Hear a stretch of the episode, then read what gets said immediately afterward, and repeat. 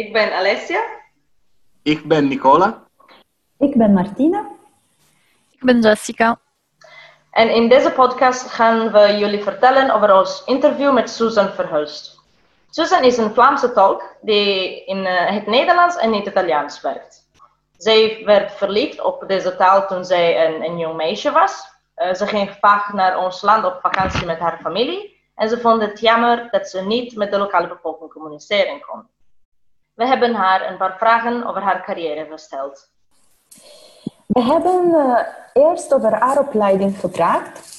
En zij heeft in 2004 een opleiding conferentietolk gevolgd, gefocust op de Europese instellingen in het jaar van de uitbreiding van 12 tot 24 landen. Maar ze vond het niet echt leuk, want zij wilde niet de hele tijd uh, in een cabine zitten.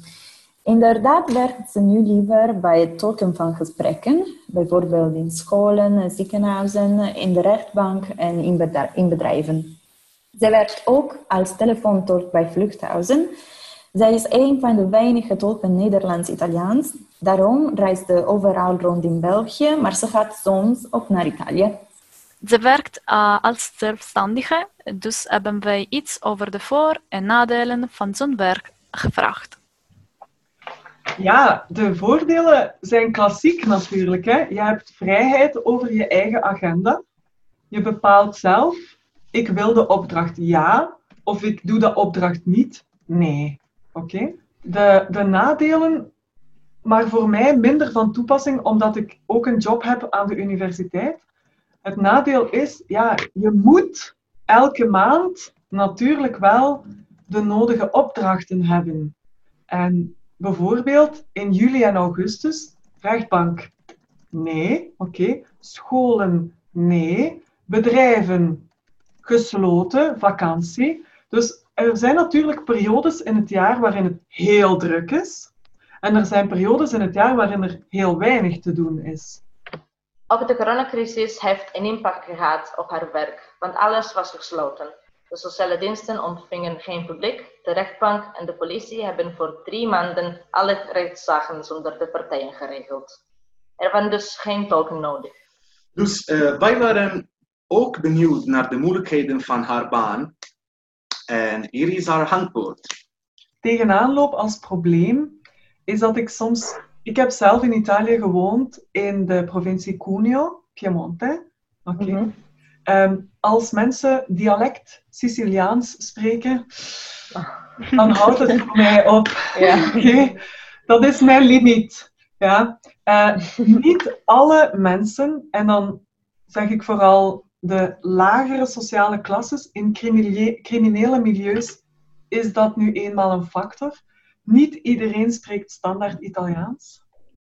Maar in het algemeen, als je als zelfstandige werkt, moet je je tijd uh, heel goed organiseren. Vooral als je ook andere banen hebt, zoals Suzanne, die als docent en vertaalster werkt. Deze interview was voor ons een leerzame ervaring. Het was heel interessant om met een professionele tolk te praten en wij hebben de kans gekregen om het eerste aan te tolken in een kleine scenario's. Daarbij waren wij heel zenuwachtig, want het was echt moeilijk maar dan hebben wij van deze oefening echt veel genoten. Wat denk je, Nicola? Ja, natuurlijk hebben we meerdere dingen dankzij Susan geleerd. En daarom zijn we heel dankbaar. En eindelijk willen we met jullie een paar tips delen die Susan ons over tolken gaf.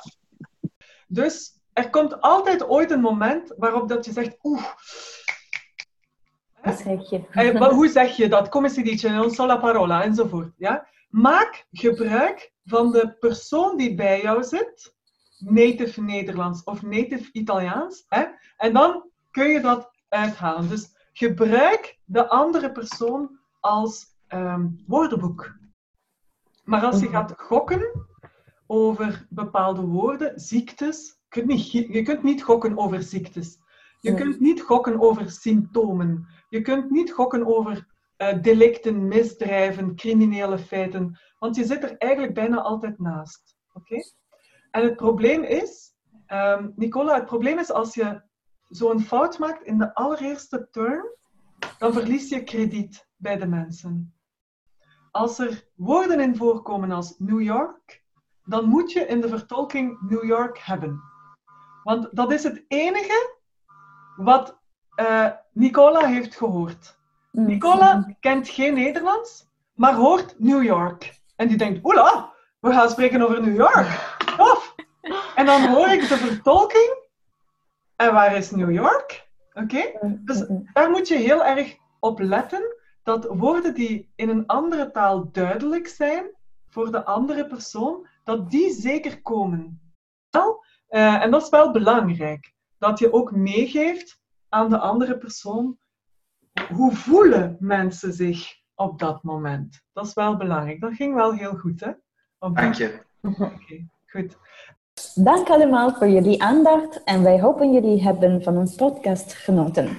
Doei. Doei! Hartelijk bedankt. Bedankt, doei! Dag!